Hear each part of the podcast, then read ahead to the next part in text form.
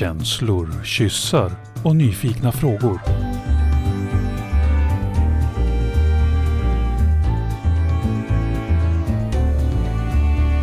Pollyprat med Minna och Karin. Välkomna till Pollyprat den här fredagen. Hej Karin, är du med mig? Jag är med dig hela vägen från Gotland. Här är det mörkt, blött, grått och allmänt eh, någon slags väder som är en utmaning för det goda humöret. Hur är det där du Eh, det är väder som hör årstiden till, tänker jag. Man får omfamna läget och eh, tänka att man är i någon form av ide. Eh, sådär, och liksom låtsas som att världen runt omkring en är som mjuk mossa som man kan luta sitt huvud lite grann emot. Känna att det är mjukare än vad det är och stänga ute det som är lite kantigare med hösten och alla alla dessa utmaningar som vi utsätter oss för, så tänkte du och jag att nu är det dags att prata lite mer om de där svåra samtalen. Mm. Det har ju varit ett tema under flera olika prat vi har haft och vi kommer tillbaka till det om och om igen. För det är ju något med polylivet som gör att vi har, vi har inte färre liksom, samtal om det som, det som är svårt. Vi har fler ofta. Och då har vi inbjudit hit ingen mindre än vår älskade stammis Mimmi. Hej Mimmi! Hej Minna och Karin. Men vad gött att du är här och reder upp i kommunikationsdjungeln för oss alla. För det är väl kristallklart för dig va? Ja, eller så inte. du brukar vara kristallklar va? Har det hänt något? Ja, det har nog varit hela tiden eh, att jag kanske inte fullt så eh, kristallklar inom mig i alla fall. Sen kan ju andra uppfatta mig utifrån att jag kan vara något mer kristallklar, men sen har det ju hänt lite grejer här under tidiga hösten med ett nytt förhållande. Mm. Så, eh, och det vände väl upp och ner på rätt mycket. Eh, det hade det väl gjort även om jag hade varit eh, mono. Men det vänder ju upp och ner ännu mer när man då lever flersamt och har två relationer sedan innan. Vadå, du menar att det blir mer komplicerat när man har ja, flera lite relationer? Lite så, lite så kan man säga. Ja, jag förstår. Men då har du någonting gemensamt med Karin. Hon har också ökat antal människor i sitt liv. Yes. ja!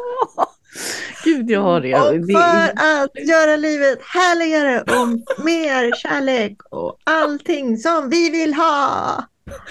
Mm. I mitt fall måste jag säga att det här, det här temat kan ju inte komma lägligare. För det här med att fatta att människor kommunicerar på olika sätt. Jag är fan 50 hörni. Jag vet det. Jag vet det. Och ändå så tolkar jag människor med min liksom förförståelse mm. in i nya relationer och in i nya möten.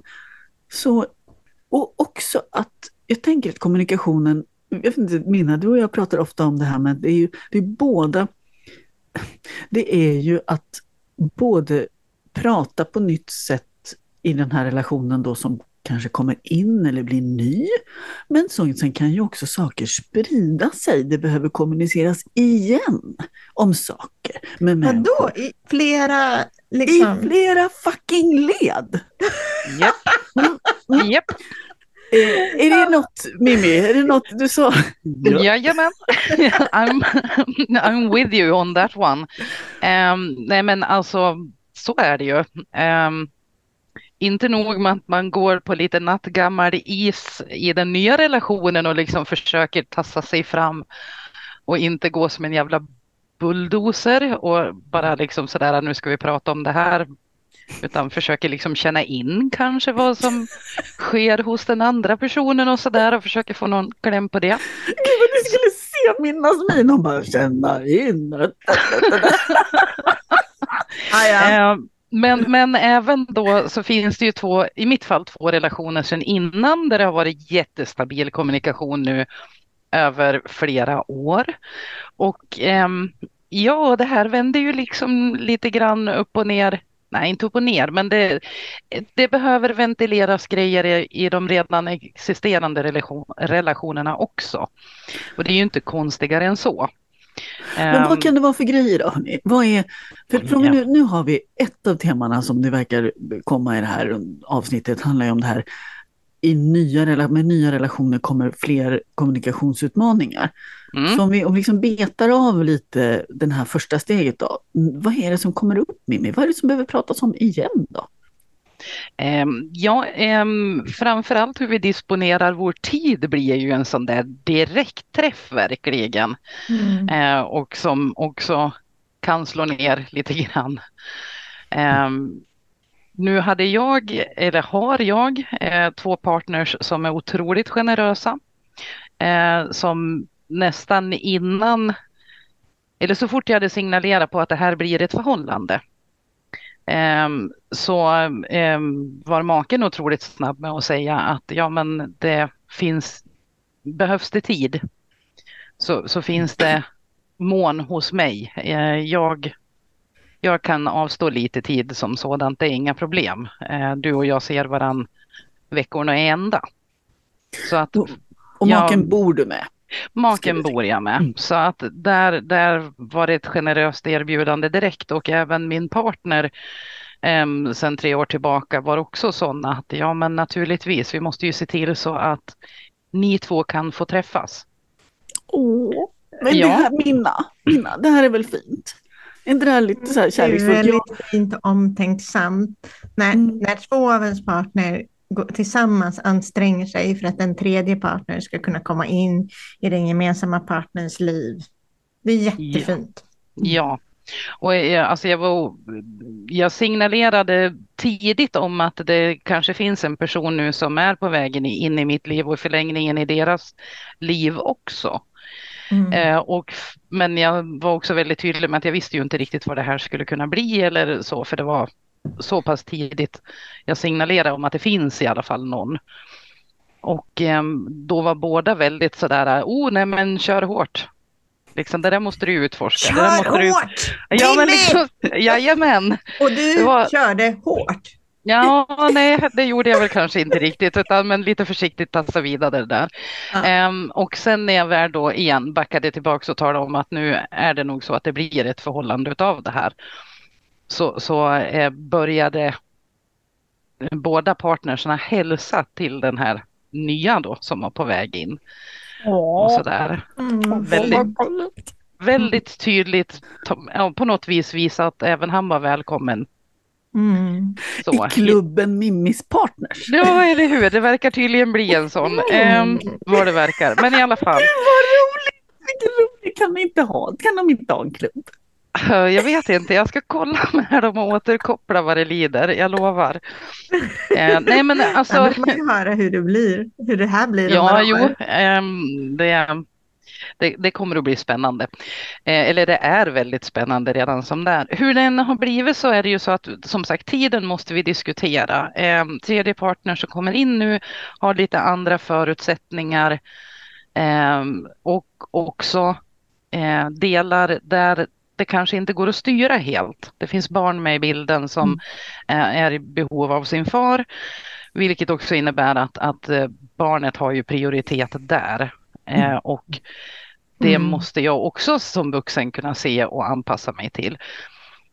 Eh, men eh, då blir det också att det kanske blir lite mer ryckigt i, det går inte lika enkelt att säga att jo men vi gör den här veckan och sen så gör vi, då kan vi ses eller vi kan ses med det här intervallet utan det måste finnas lite mera Eh, Flexibilitet, ja, någon form av gummibandseffekt. Svängrum, ja liksom. precis.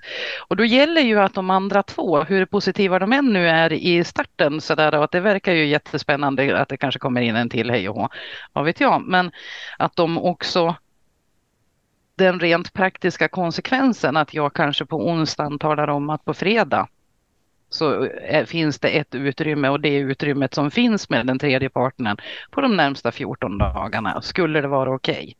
Mm. Och att de också i det fallet förmår sig att släppa. Nu tror inte jag att någon av dem skulle säga någonting annat än varsågod och åk. Mm. Men i De alla andra fall. två relationerna är ändå på en plats där, det är, där du är ganska trygg, eller hur? Ja, den är ju Det, det, väldigt... tänk- det gör ju ganska stor skillnad om man är, Ja. att, att, det är, att man tar in någonting nytt när, när basen är relativt stabil. Absolut. Och det är väldigt stabilt i båda utifrån att det finns exempelvis inga barn eller någon annan heller som är dagligdags beroende av deras omsorger. Det är lättare för både maken och den första partnern att kunna ställa om i sina liv Mm. snabbt och enkelt.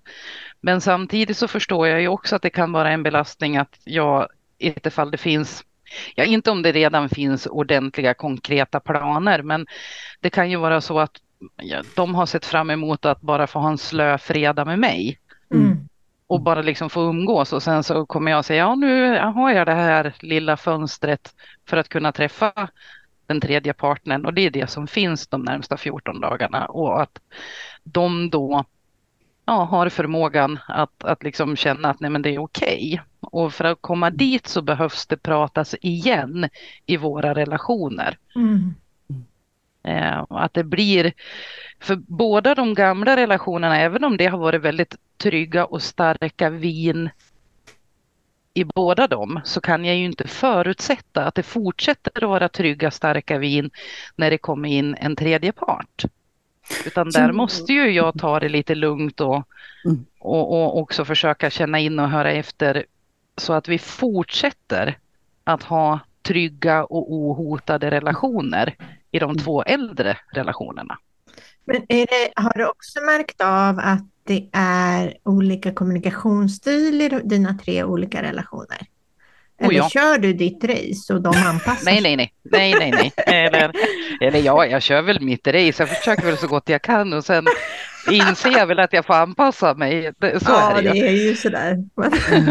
Det är tre olika människor ehm, och det finns tre väldigt olika förutsättningar. De är på lite olika ställen i sina liv. Ehm, och det gör ju också att, att jag måste anpassa mina kommunikationsstilar.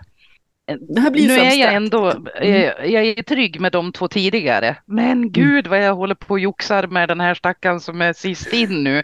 Det är för att vi har olika kommunikationsstilar och jag Ni har inte hittat inte ännu liksom. Nej. Nej, vi har inte hittat varandra riktigt än. Men, men det här blir så abstrakt, så här, du, så här, när du pratar olika kommunikationsstilar, vad fan då? Alltså, jaha, den ena tycker om att skriva, den andra vill skicka brevduvor, eh, en vill prata tre gånger i veckan, en vill prata var femte minut, eller vad då? Vad är det Ja, som är lite så. olika?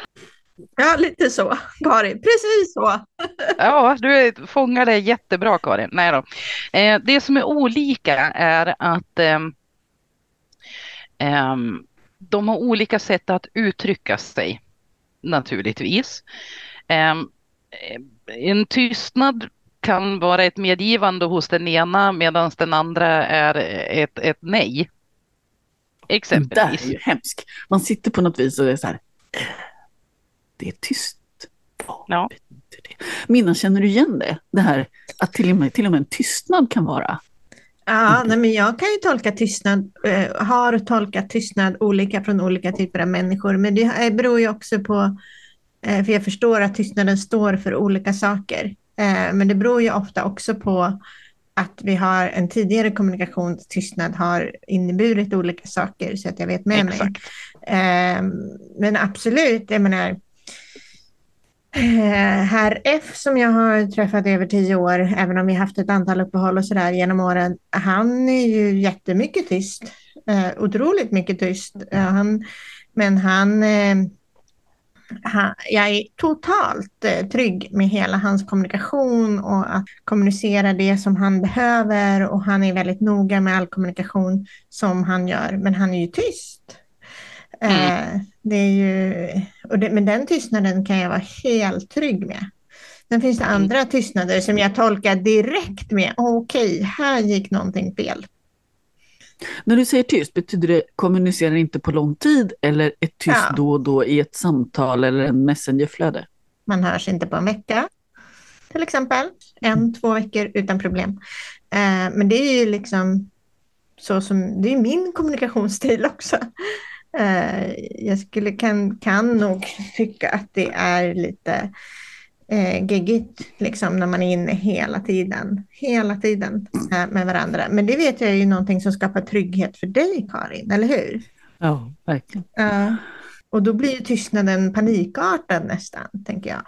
Om, om jag har en förklaring till tystnaden blir den ju lättare att förstå. Så jag tycker ju om, om det är så att jag har ett intensivt kommunikationsflöde med någon, så tycker, alltså en partner sådär, så tycker jag jättemycket om när det blir en förklaring till nu försvinner jag in i tystnad.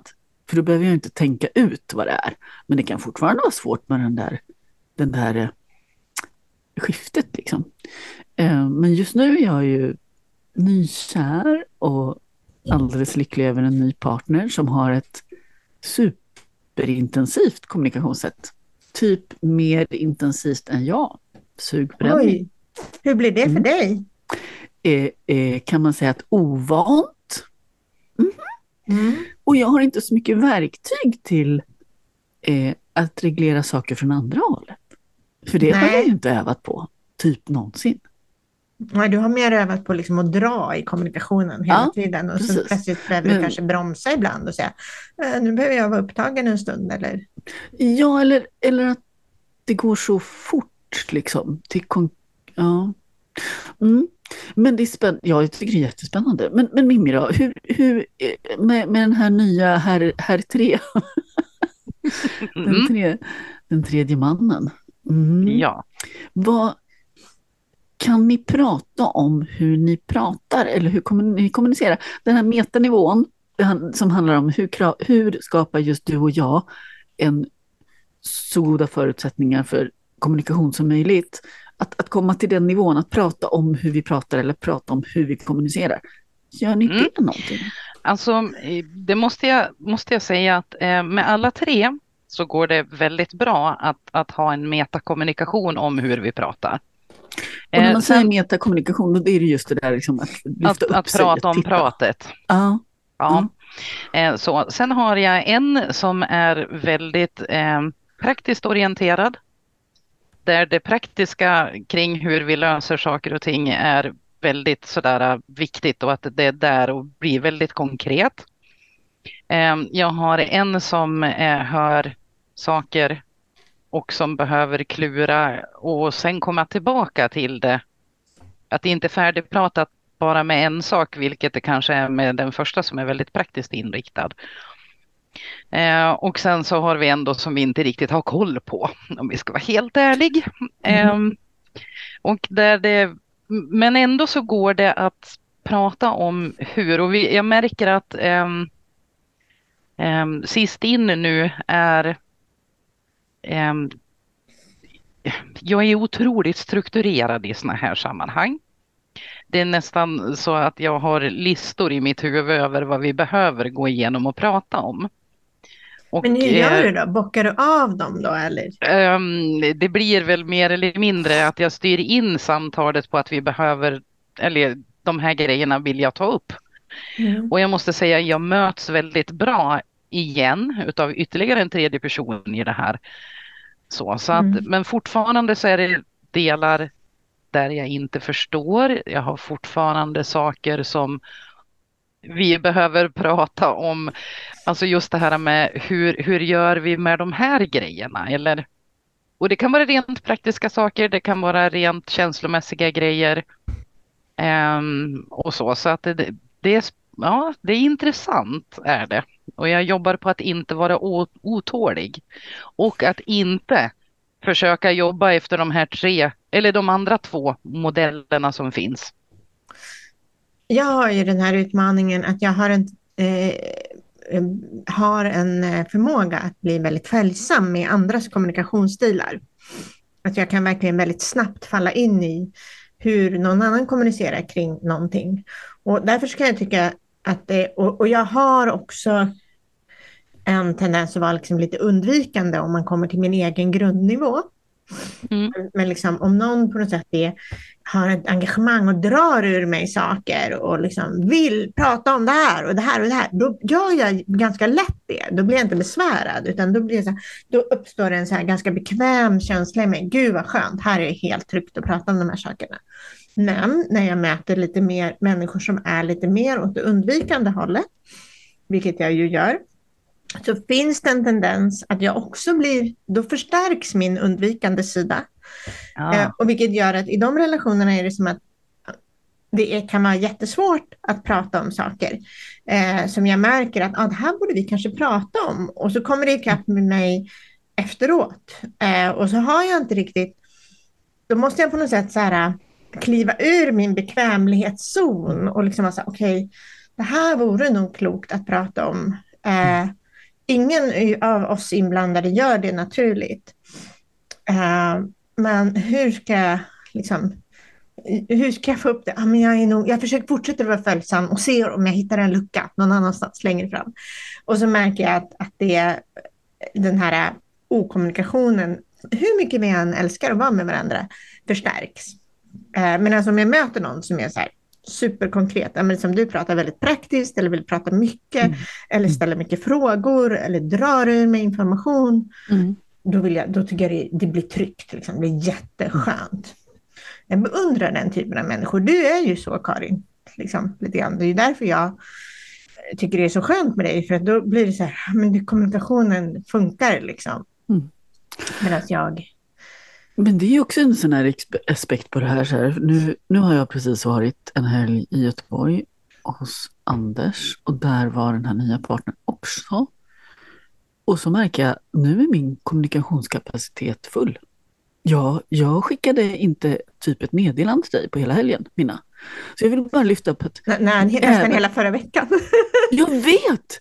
För då, mm. det var fullt. Mm. Och det är ovant för mig. Jag ja. märker att det här, oh, oh, hallå, vem är jag? Och jag tänker att, så jag vill lyfta det till en nivå till.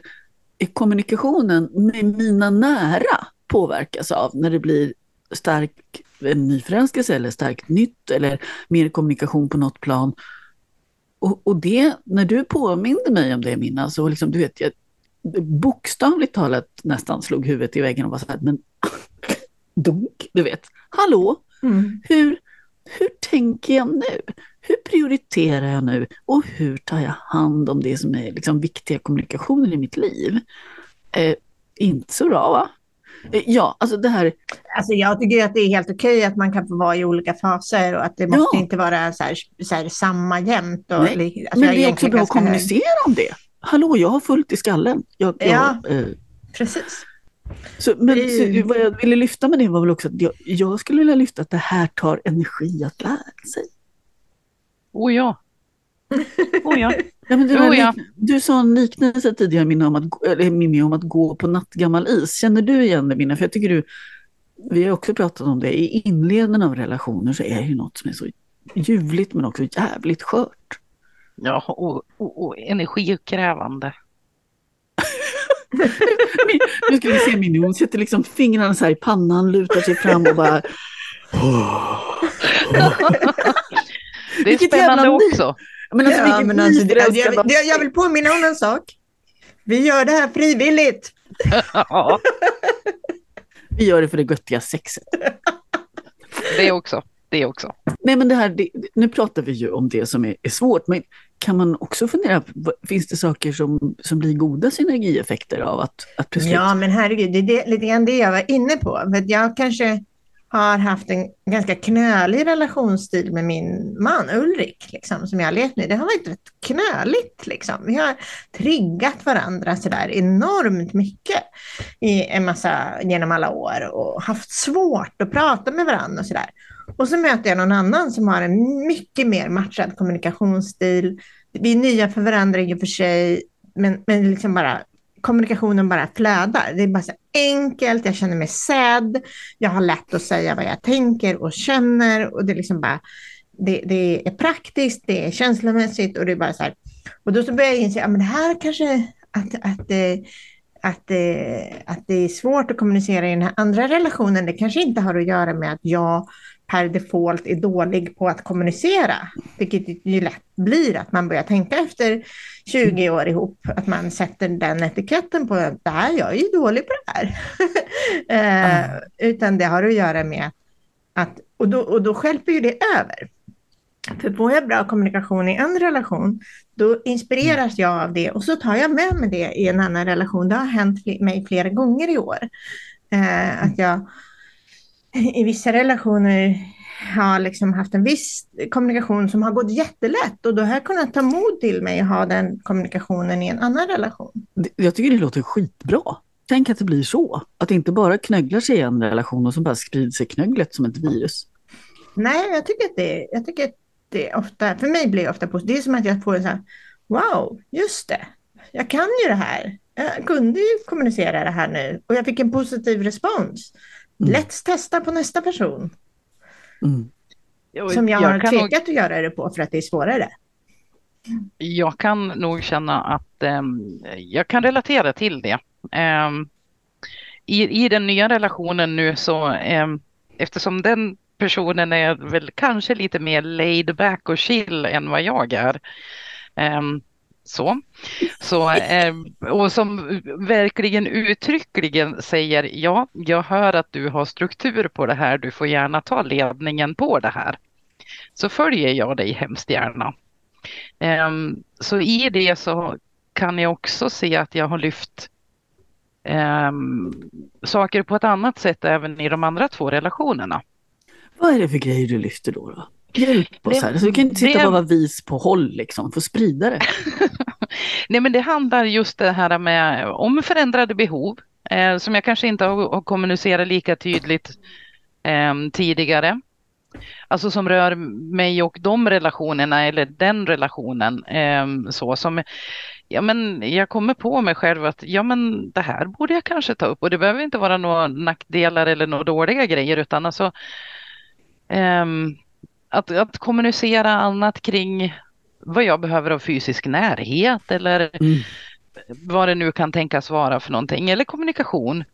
Alltså hur ofta hörs vi eller vad gör vi med vår tid när vi är nära varandra eller ja, så.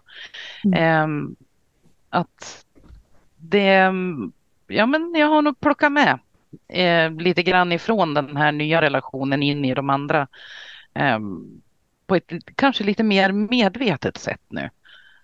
Det är någonting, ehm. förstår jag det rätt om du menar det här att, att du inspireras till att vara ännu tydligare att det här skulle jag vilja pröva. Eh, jag skulle vilja ehm, att vi gosade minst en timme idag för jag längtar efter det.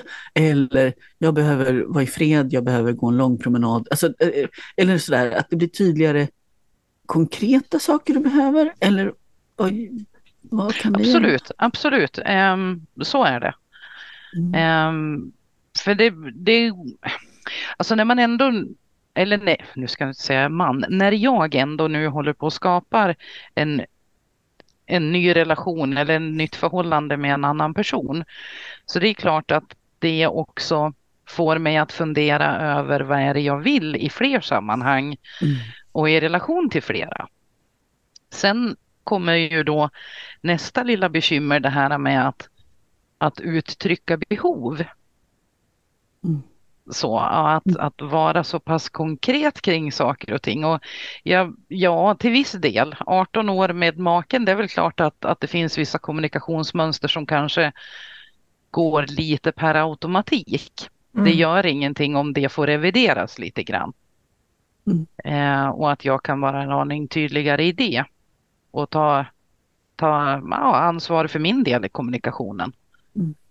Men Karin, du som vill vara konkret, kan du komma med så konkreta kommunikationssituationer i din nya situation där ni, som du sa, ni träffades alla tre?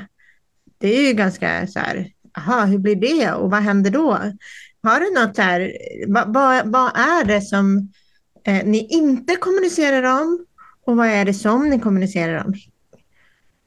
Mm vad går bara på automatik och vad glömmer ni bort? Det är väldigt lätt att vissa saker när man är så här nyförälskad så glömmer man ju bara bort att prata om och sen kommer de biter de en i... Ja, i röven. I alltså, röven. Ja, um, ja jag, jag skulle vilja börja med att skicka ut en stor så här disclaimer. Prova inte det här. Det här är inte en, en bra idé. Uh, att bli um, förälskad? Nej, ja. men det här med att, att, att göra mycket saker på tre i början av förälskelse, det kanske folk klarar av som inte är jag. Eh, Jag tycker det både är ljuvligt och så jävla, jävla, jävla svårt och triggande. Mm. Eh, och det är väl den här, ehm, varför jag säger prova Ni inte träffas det. alla tre och alla har en relation med alla. bara ja, för att förtydliga. Ja, och, och två av de relationerna är nya. Ja, Så jag och E och Anders och E är liksom rätt nya för varandra. ja. Medan Anders och jag har en relation sedan tre år. Mm. Um, och alla är relationer. Um, så det blir det där att det blir intensivare när vi ses och sen så pauser emellan. Eh, jämfört med om man kanske sågs lite oftare om man bor närmare varandra. Eh, både fantastiskt, för det blir en, en, en utmärkt, det blir som en intensivkurs i att ta körkort kanske. Körkortet i hur, hur man gör med varandra. Liksom. gasa, Aha. växla. Aha, aha. Serpentiner mellan koner, serpentiner mellan triggers. Det finns många, många likheter. Ja, ja. Och gas och broms är ju faktiskt det första man behöver lära sig. När behöver jag gasa på någonting och när behöver jag bromsa? Och sen om man tar det och liksom förhåller sig till två personer till så blir det ganska spännande. Någon behöver gasa, någon behöver bromsa, någon håller på att puttra på någon slags jävla dragläge. Ehm, så jag skulle nog säga att i, min, i mitt fall så handlar det jättemycket om att, att jag inte riktigt inser hur svårt det är för mig att vara fler. Jag tror jämt att men jag är så extrovert och jag tycker det är så kul med folk och så här. Och sen blir jag helt överväldigad av intryck. Och mitt svåraste utmaning det är att jag tycker att alla andra är väldigt mycket bättre på poly än jag. Eh, De har inte lika mycket triggers och de har En inte idé lika om svårt. poly. Ja, ja, ja, det här sitter ju i mitt huvud av att jag målar upp då, att andra Ja. som inte är svartsjuka till exempel, då är det, det är ju mycket bättre att vara. Så att om jag låtsas att jag inte är det så kommer jag ju att, och det kommer jag magiskt att transformeras till det. Eh, men det går inte så fort, utan då är det snarare att jag gasar då in i en vägg. Är att jag tänker att men jag klarar av hur mycket utmaningar som helst, för då kommer min utveckling också gå i expressfart. Eh, men det gör inte på det sättet. Å andra sidan, så nu är jag ju då, är, är ju en, en, en kvinna. Det kan jag verkligen rekommendera. Jag kan rekommendera alla att hellre göra relation med kvinnor faktiskt. Eh, ditch the man. Eh, Alla, alla, alla män. Alla, kvinnor. du absolut, absolut. kvinnor att göra relationer med kvinnor. Jag tycker att det här är intressant, för det här, är- det här, jag är mycket medveten om att det här är anekdotisk bevisföring. Är en kvinna, eh, jag har just nu en annan relation med en person som är icke-binär. Eh, jag fattar att det här inte riktigt är statistiskt klarlagt. Men fan vilken skillnad Låt det oss är. generalisera. Jag tänker generalisera som tusan i den här podden, för det är fan min podd. Jag gör som jag vill. Och, och mina kommer att säga åt mig, det är faktiskt min podd med, så nu får du lägga av Karin. Men, nej, men vilken skillnad i att ta ansvar för det som går dåligt, lägga upp strategier, eh, backa, ta omtag. Eh, det är inte bara jag som driver kommunikationen hela tiden, utan det är någon annan som har en egen turbojetmotor i det här att få kommunikation att fungera. Det är fantastiskt. Och kanske till och med en Ja. egen agenda, egen, vilja. Ja, men alltså just att kommunikationen är central för att det ska kännas bra. Det Mm. har jag inte mött så tydligt förut. Spännande. Ja, väldigt spännande. Också väldigt spännande att upptäcka att så himla mycket av det som jag har tänkt, mina, du, du pratade om det tidigare, att jag har tänkt men det här är ju jag som är knasig med. Liksom, ja, men jag har nog svårt för det ena andra och tredje. Och så möter jag en person som verkligen är på djupet är så intresserad av att få det att funka, lägga upp strategier, prata, lösa saker, ta itu med det på en gång när det händer. På det bara. Eh, och så inser jag, oj, det här har inte jag mött. Jag undrar Men hur kan det ni, jag måste vara. fråga, har det blivit så att ni överkommunicerar saker, överanalyserar saker också? Att ni liksom blir liksom för mycket kommunikation, man kanske kommunicerar sönder saker? Alltså jag går igång på kommunikation. Jag vet inte om det kan bli för mycket. Jo, det kan det säkert bli. Eh, men då händer det ganska ofta att någon tar av någon annan kläderna eller att något barn behöver något. Eller att, alltså det finns massa praktiska omständigheter som gör att vi sitter ju inte och pratar i timmar. Eh, det är alltid det är barn och det är behov och det är saker som ska göras och kurser som ska göras och dans som ska gå på. Så den rytmen finns redan. Jo, jag tror att jag överkommunicerar framförallt när, när mina demoner sätter igång. För då är det ofta så att jag behöver inte prata mer, jag behöver göra något annat. för att bryta. Liksom. När man pratar ja. med, om, sina, om sina demoner så blir det som att man pratar upp dem. Ja, men jag kan, det kan, jag kan prata upp dem. Det kan bara växa till helt omöjliga proportioner. Men så jag har kommit på, jag är så jävla stolt över mig själv, för jag har kommit på några sådana här strategier som bryter det. Har, har ni sådana? Jag, jag, ska spara på mina strategier, men ni, eh, ska berätta om dem här kanske senare. Men Mimmi, har du någon gång när du känner så här, jag fastnar i, vad bryter så att du kan komma ut och få en stabil och bra kommunikation igen? Alltså jag, jag vet inte om jag riktigt Mm, det jag kan behöva eh, ändra på eller göra annorlunda är när jag ska sätta gränser för saker och ting. Där kan jag fastna i ett, att jag behöver försvara mig fast jag inte behöver det. Eller försvara min gräns fast jag faktiskt inte egentligen behöver det. Motivera dig. Ja, och vilket också gör att jag inte tänker ehm, stunden längre, det vill säga vad skulle kunna erbjudas istället. Jag, om jag säger nej till en sak eller sätter en skarp gräns på någonting så har jag sällan tänkt igenom vad skulle jag istället kunna erbjuda och inte bara avvisa personen utan då blir det bara ett avvisande och ingenting mera.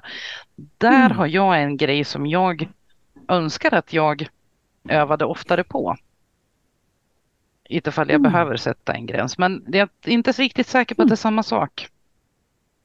Alltså min utmaning, eh, om man säger så här, som blir, där, där det blir för mycket, det är ju snarare att jag är för tyst.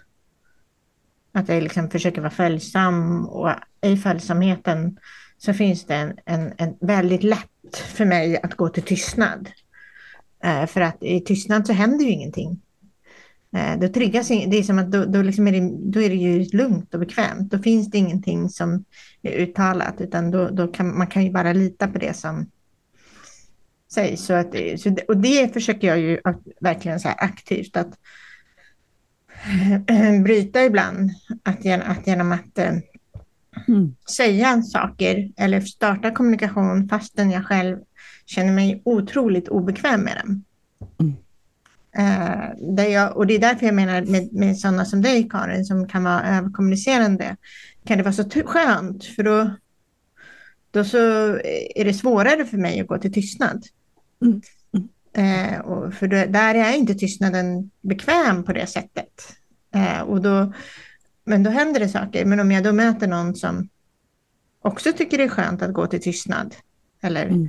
undvikande genom att prata om något helt annat eller låtsas som att det inte finns någonting man behöver prata om, mm. så blir tröskeln så mycket större för mig att bryta mönstret. Eh, och jag tror egentligen att man kan göra det som ni var inne på tidigare, att man kan observera hur ser våra kommunikationsmönster ut? Ja, det är det här som händer och så observerar mm. man det och så blir man medveten om det och så kan man hjälpa varandra.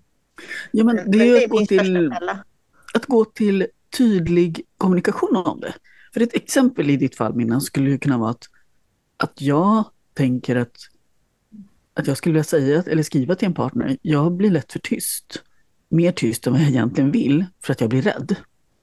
Eh, så dels uppskattar jag att du petar på mig ofta och skriver till mig, för det, det gör mig trygg.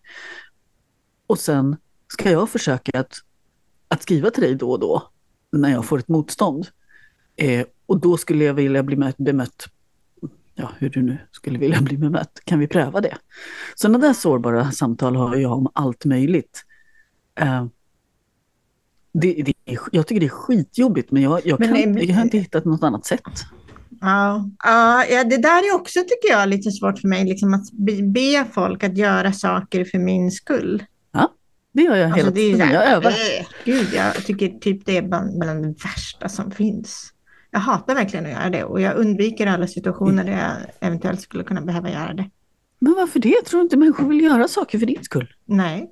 Jag tror människor vill göra saker av fri vilja för att de vill ha, ha en egen fri rörelse gentemot mig på ett eget sätt som, är, som följer deras eget mönster.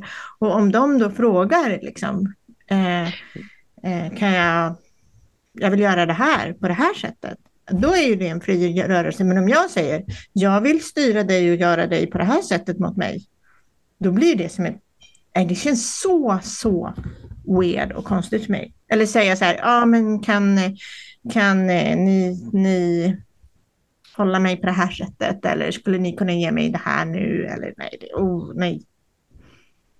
För jag kan tänka på en sån sak. Jag förstår hur, hur du tänker, tror jag i alla fall. Mm. Men, men jag kan också tänka att det är otroligt svårt att läsa andras tankar. Och att kunna för, fylla dina ja, behov. Det, det är det här som är ett problem. Då blir man tyst och så skapas det en stämning. Ja, för att alltså jag tänker, och jag hamnar ju i det här läget nu också då med den nya partnern, att jag inte riktigt vet vad som är önskvärt och jag har vid ett antal tillfällen verkligen varit tydligt med, och jag tror jag är lite övertydlig där också, jag tror personen förstår, att, att jag kan inte läsa tankar. Jag är skitdålig på det. Jag behöver höra för att förstå vilket handlingsutrymme jag har. Och även om jag får reda på det handlingsutrymme så är det verkligen ingenting jag upplever något som styr mig utan det är snarare en nyckel till till att kunna göra det bra. Till att kunna finnas där på ett bra sätt. Sen, sen är det ju naturligtvis upp till partnern om den svarar eller inte. Det är ju Mm. så. Men, men just det här med att, att, att jag slipper försöka gissa mig till utan får nycklar till att de här grejerna är uppskattade eller önskade.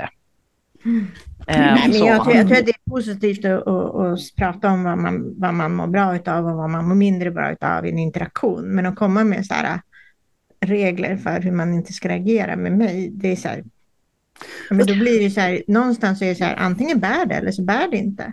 Fast Minna, för mig, om, om, jag, om vi faktiskt tänker på riktigt i det här med mönster om kommunikation, så är det ju så att andra människor kan ju ha kvar rester av kommunikation med andra människor av hur det fungerade bäst. Det behöver inte betyda att det är deras egen sanna essens som ges uttryck i att de skriver en fucking gång i veckan. Utan det kan ha väldigt annorlunda anledningar än att det här är deras sanna jag. Det kan vara så att tidigare partners har tyckt att man skriver för ofta. Det kan ha varit att senaste interaktionen på Tinder man hade med någon slutade med något jobbigt. Du menar att man Alltså, ska uttrycka saker för att få sin eh, partner att växa på någonting? Växa på något sätt? Till exempel är ett av mina mål med mina relationer att jag ska känna mig gladare, tryggare och få fler av mina behov av kärlek tillfredsställda. Mm. Men, eh, Annars kan jag ju ha andra saker än kärleksrelationer. Men jag vill till exempel i det långa loppet känna mig gladare. Ja, det Så vad gör mig glad och trygg då? Då är det ju superbra om jag berättar det för mina partners och så kan ju de välja sen, det här funkar för mig att möta men inte det här. Men om de försöker bemöta mig liksom på, på grundval av hur tidigare partners har varit och, och mönster de har och så. Men så det jag menar är att de måste ju det. själva ha den drivkraften. De måste själva vara Mm. ansvariga för den drivkraften. Det kan ju inte jag vara. Jag Om de är intresserade Nej. av att ha en relation med mig så måste det intresset komma från dem. Ja, Mm. Absolut, Och jag är inte jag- intresserad av att ha relationer med människor som är, som är eh, självupptagna och bara pratar om sina behov. För mig blir det liksom nästan lite avtändande. och jag tror inte att jag är sån, men jag Mm. pratar Nej, det tror inte jag heller. Men jag bara, så här, för att hårdra det liksom. Och då blir jag ju Mm. så här, "Nej, jag kommer inte vara den som sitter och pra- bara pratar om mina behov. Men om jag tänker att det, det är ingången som jag har i samtalet, det är så här, det här skulle jag behöva och vad är det som du behöver? Alltså det är hela tiden en kommunikation om vad behöver du? Vad känner du dig trygg med? Vad blir saker överväldigande för dig eller för lite för dig? Och så här funkar jag. Så det här är tycker jag inte- också är intressant, när man använder ordet behöver. För att jag, jag tar, det handlar inte, där har vi pratat om tidigare för Karin, handlar inte om vad man vill, inte egentligen vad man behöver. För om man går till det, för att om, man, om jag säger så här, jag skulle vilja träffa dig på fredag, jag skulle vilja träffa dig eh, två dagar i veckan istället för en dag i månaden. Eh, men om jag säger jag skulle behöva, då likställer man det på något sätt med syre, mat och sömn på något sätt. För det, man kan, det är inte sant att jag behöver det. Eh, däremot skulle jag vilja det, för jag tar hand om mitt eget och det jag själv behöver. Så därför så vill jag det. För då, då, då har jag en aktiv handling gentemot dig. Jag vill någonting, men om jag säger att jag behöver någonting, då blir det som att då ska du leverera eh, någonting till mig. Sanningen är ju den att jag vill ha det. Och, och det, det, är ord, ord, ord, man kan vrida på orden. Men jag använder väldigt ofta, jag vill gärna att vi pratar om det här. Jag skulle vilja att vi inte har en överenskommelse som ser ut så här. Jag skulle vilja att vi eh, pratar i telefon nu. Jag, jag tänker jättemycket på det. För det här var, det här är, eh, och inte säga så här, men jag behöver. För så fort man säger att jag behöver så släpper jag ansvaret och knuffar bort det och begär att folk ska ändra sitt beteende gentemot mig. Men nu säger jag, jaha, du vill det, men det kan jag tyvärr inte göra. Eller Eh, det är mycket lättare också att bemöta en vilja än att bemöta någonting som, förklätt, som blir förklätt som ett behov jag kanske är hård mot språket eh, och jag tror att de flesta pratar, man pratar om så här, jag behöver, jag behöver ha kramar, jag behöver ha kyssar. Jag säga, ja, mm, du vill ha det för du mår bättre då. För du, när du själv tar ansvar för vad du vill ha så vill du ha det. Eh, det är inte som att du behöver det. När du behöver det så ja, hänger du med på hur jag tänker. Jag förstår absolut hur du tänker, men jag tänker att det finns fortfarande behov eh, utifrån, det är ju bara att ta Maslows behovstrappa Eh, mm. och vilka behov man har. Eh, och jag håller absolut inte med om att bara för att man har ett behov så är man utan ansvar och lägger över alltihopa på den andra partnern. Jag förstår hur du tänker men... Jag hårdrar eh, det lite såklart. Ja, men, men, eh, men jag är inte... Jag det kan bli lite riktigt... geggigt när man försöker kladda med massa behov eh, när det egentligen handlar om viljor. Ja, jag skulle nog säga att jag har ett behov av att få träffa en person i en relation eh, med ett visst intervall och uppfylls inte det så kommer inte den här relationen att fortsätta. Mm. Så enkelt är det. det. Det är ett behov av att kunna få ses eller inte ses. Men, och, och går inte det att täcka, då, då är det inte en relation som är för mig. Då blir det nästan Utan, likställd sömn och, och, mat och syre. Ja, alltså för det tror det kan jag, jag inte leva. Och utan det kan relationen inte leva när relationen kommer inte att överleva ja. att det blir för långa glapp emellan. Mm. Och då kanske man i och för sig säger att det är relationen som behöver det, vilket som. Um, så, för det är faktiskt mer mm. än en mm. vilja. Ja, men jag fattar. Jag fattar. Mm. Men, men jag förstår hur du också menar, för att det finns nog om jag tittar tillbaka, så inte kanske i mitt liv, men jag har nog sett vänners partner som har gått förbi att det har kunnat vara lite grann det du säger, att man kommunicerar det som behov och förväntar sig att någon annan ska ta och uppfylla det liksom bara rätt av och det är inte okej det heller. Alltså jag tänker varje förhållande eller varje relation man har, det skapar man ju gemensamt. Det är ju mm. ett vi. Det är ju mm. liksom inte ett jag som ska växa bara för att du finns här. Utan det är ju vi båda två som behöver växa i det och skapar det här tillsammans. Och det är där ja. någonstans också jag kan tycka utmaningarna ligger i att, att kommunicera då, oavsett om det är vilja eller behov, eh, vilket man sätter på det, men att ändå kunna berätta vad, vad känner jag i det här eller vad skulle vara acceptabelt för mig eh, utan att på något vis sätta sig på den partner man har. Eller, Sen, ja skaffa sig orealistiska förväntningar liksom. Mm. Sen är det ju alla de här samtalen där man faktiskt inte vet. Alltså det skulle jag säga i de allra majoriteten av samtalen där man har det. Jag vet inte, för att det, det här det uppstår i din och min dynamik i vårt mm. samtal mm. just nu, hur vi vill utforma våra, det vi har tillsammans. Så att jag, det är inte som att jag sitter på en massa viljor och inte heller på en massa behov, utan nu, nu formar vi någonting i själva samtalet med varandra och ser ah, vad händer, vad kan vi mötas, vad, mm. vad, vad händer när vi pratar med varandra och sådär. Och jag är ju väldigt säker för långa samtal eh, med människor. Det är ju det jag går igång på. Att ha mina långa mm. samtal. Och, och, och HRF som jag träffar, har träffat i många, många år. Vi har ju liksom den här ordningen att vi, ja men vi ses. ja men vi kanske kan krama varandra lite lätt sådär. Men sen så sitter vi och pratar, jag skojar inte, i två timmar innan vi ens börjar röra i varandra. För vi måste liksom varje gång så här ha en intellektuellt möte. Eh, han, där, är, där matchar vi varandra jätteväl. Och då någonstans i det där samtalet, då checkar han av. Hur mår du? Hur mår du med oss? Alla, han har den här, nästan som en checklista han går igenom och tar reda på vad har hänt i ditt liv, vad har hänt i mitt liv, hur, hur ser det ut nu, vad har vi för förutsättningar för, för det här mötet? Eller liksom, det låter lite fyrkantigare än vad det är, för det är ett dynamiskt samtal. Men det tar Mm, lång mm. tid innan vi går från det samtalet till att mötas eh, liksom, fysiskt eller sexuellt. Eh, och när vi väl har kommit dit, då känner jag ju att jag på riktigt kan möta honom fysiskt. Mm. Eh, men det är ju liksom någon form av, det är ju ovanligt, jag vet det. Men jag, både han och jag bara konstaterar så många gånger, gud det här är så skönt.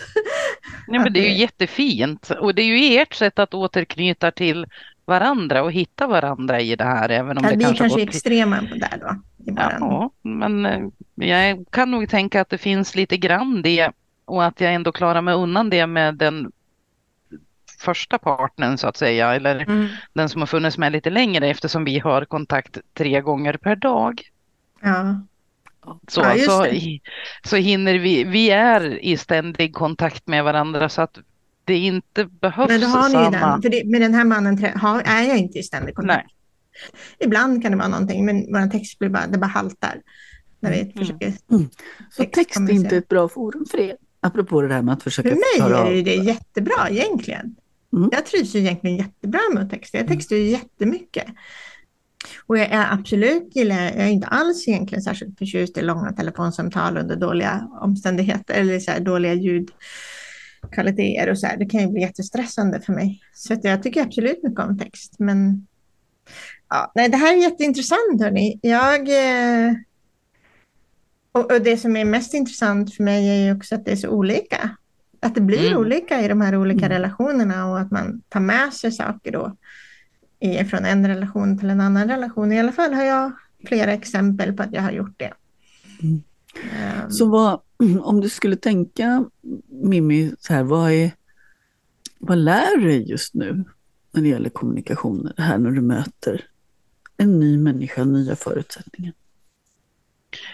Ehm, Jag lär mig massor om mig själv och vem jag är och att jag behöver ta och fundera ett varv till på vad jag tycker, tänker och känner och vad som är viktigt för mig. Eh, inte, alltså inte bara i, i relation till den, jag, alltså den nya eh, relationen, eller alltså inte bara kring det förhållandet utan även i mina tidigare förhållanden mm, ehm, att det blir lite, ehm, vad ska man säga, en, en revidering av alltihopa. Ehm, som jag kanske inte riktigt hade tänkt på. Jag tror inte jag tänkte på att det kanske också blev så när jag träffade första partnern. Att, att det liksom också spillde över en viss revidering av mitt äktenskap då. Eh, I någon form. Eh, men nu har det blivit väldigt tydligt att att det sker viss revidering även i de andra två relationerna. Eh, och det behöver inte vara några stora saker utan det är mer att man checkar av och kollar, stämmer det här fortfarande?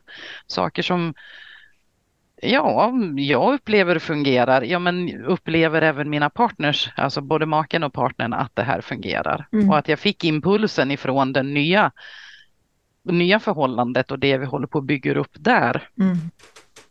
Jag vet inte om ni har upplevt något liknande.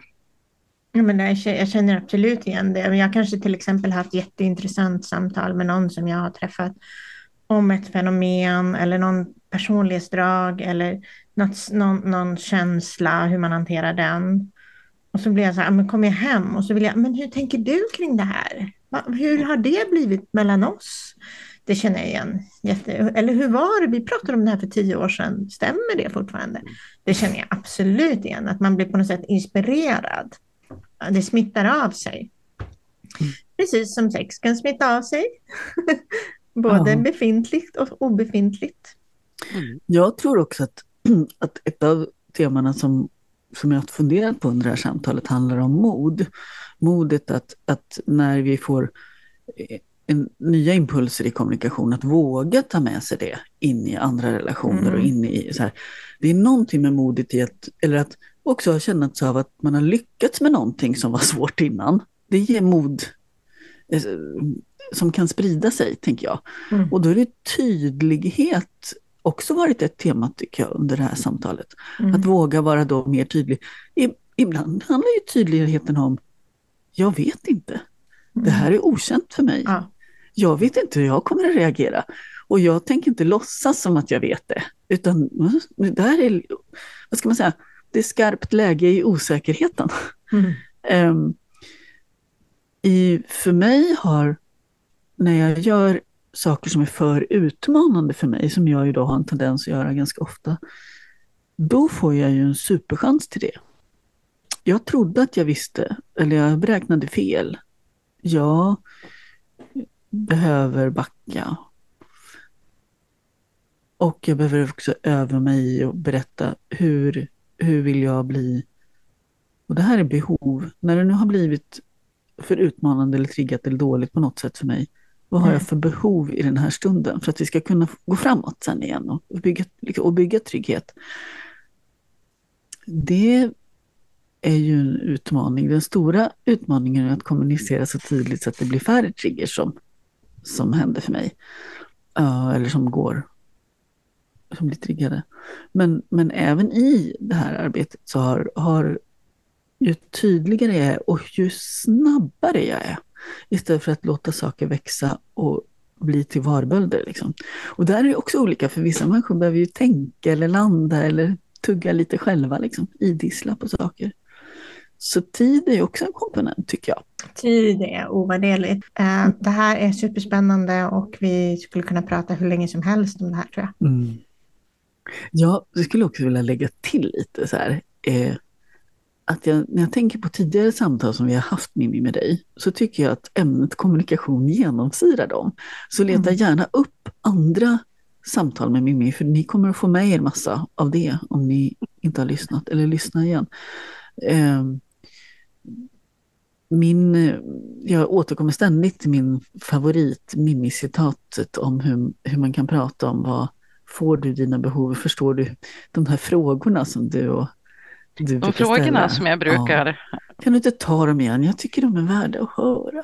Ja, jag tycker de är jättebra och de fungerar även nu i den här nya. Alltså en av de, en av de största bekymren vi har i det här nya förhållandet är att vi har känt varandra innan vi blev tillsammans i flera år.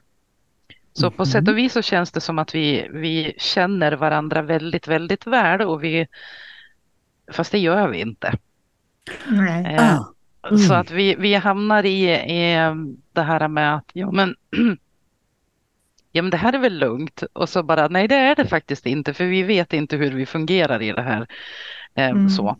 Eh, men någonting som då också gör den tryggare eh, och som gör att det åtminstone, eller jag får det även ifrån han, eh, det är att kunna ställa de här frågorna Alltså, och det behöver inte vara exakt samma formulering utan det får man ju ta lite grann på känn. Men andemeningen är, eh, vet du hur älskad eh, och omtyckt du är utav mig? Och den personen som man ställer frågan till mm. svarar ja eller nej. Oavsett vad personen svarar så frågar man nästa fråga som är, finns det något jag kan göra för att du ska känna dig mer älskad och trygg i den här relationen? Mm. Åh, det här är så att, åh, du vet, hela mitt nervsystem går ner i någon slags ah. Ja, bara att höra dig ställa de frågorna, inte ens till mig. alltså det är, något, det är trygghetsskapande att de frågorna kommer, märker jag för mig. Och jag vill också skicka fram en, en sak som är att hitta en väg i hur vi planerar att vi ses. Som är trygg för båda. Det vill mm. jag skicka fram. För vissa av oss är det underbart att ha massa tid inplanerat och en rytm och en stadighet i hur vi ses. Jag är en av dem. För andra människor så behövs frihet och spontanitet. Men att hitta den balansen tillsammans i varje enskild relation, det tror jag också är en sån där nyckel till trygghet. Men Minna, tack för det här samtalet och tack för att vi liksom, för att, tack för att det var du faktiskt som drog i att men det här ska vi prata om. Mm. Och så himla stort tack Mimmi. Vi kommer att återkomma till det, Mimmi och Karin. Ta hand om er. Tack. Och nu säger vi hej då. Hej då! Hej då. Hej då. Du hittar Pollyprat på vår Facebook-sida och där poddar finns. Ställ gärna frågor till oss.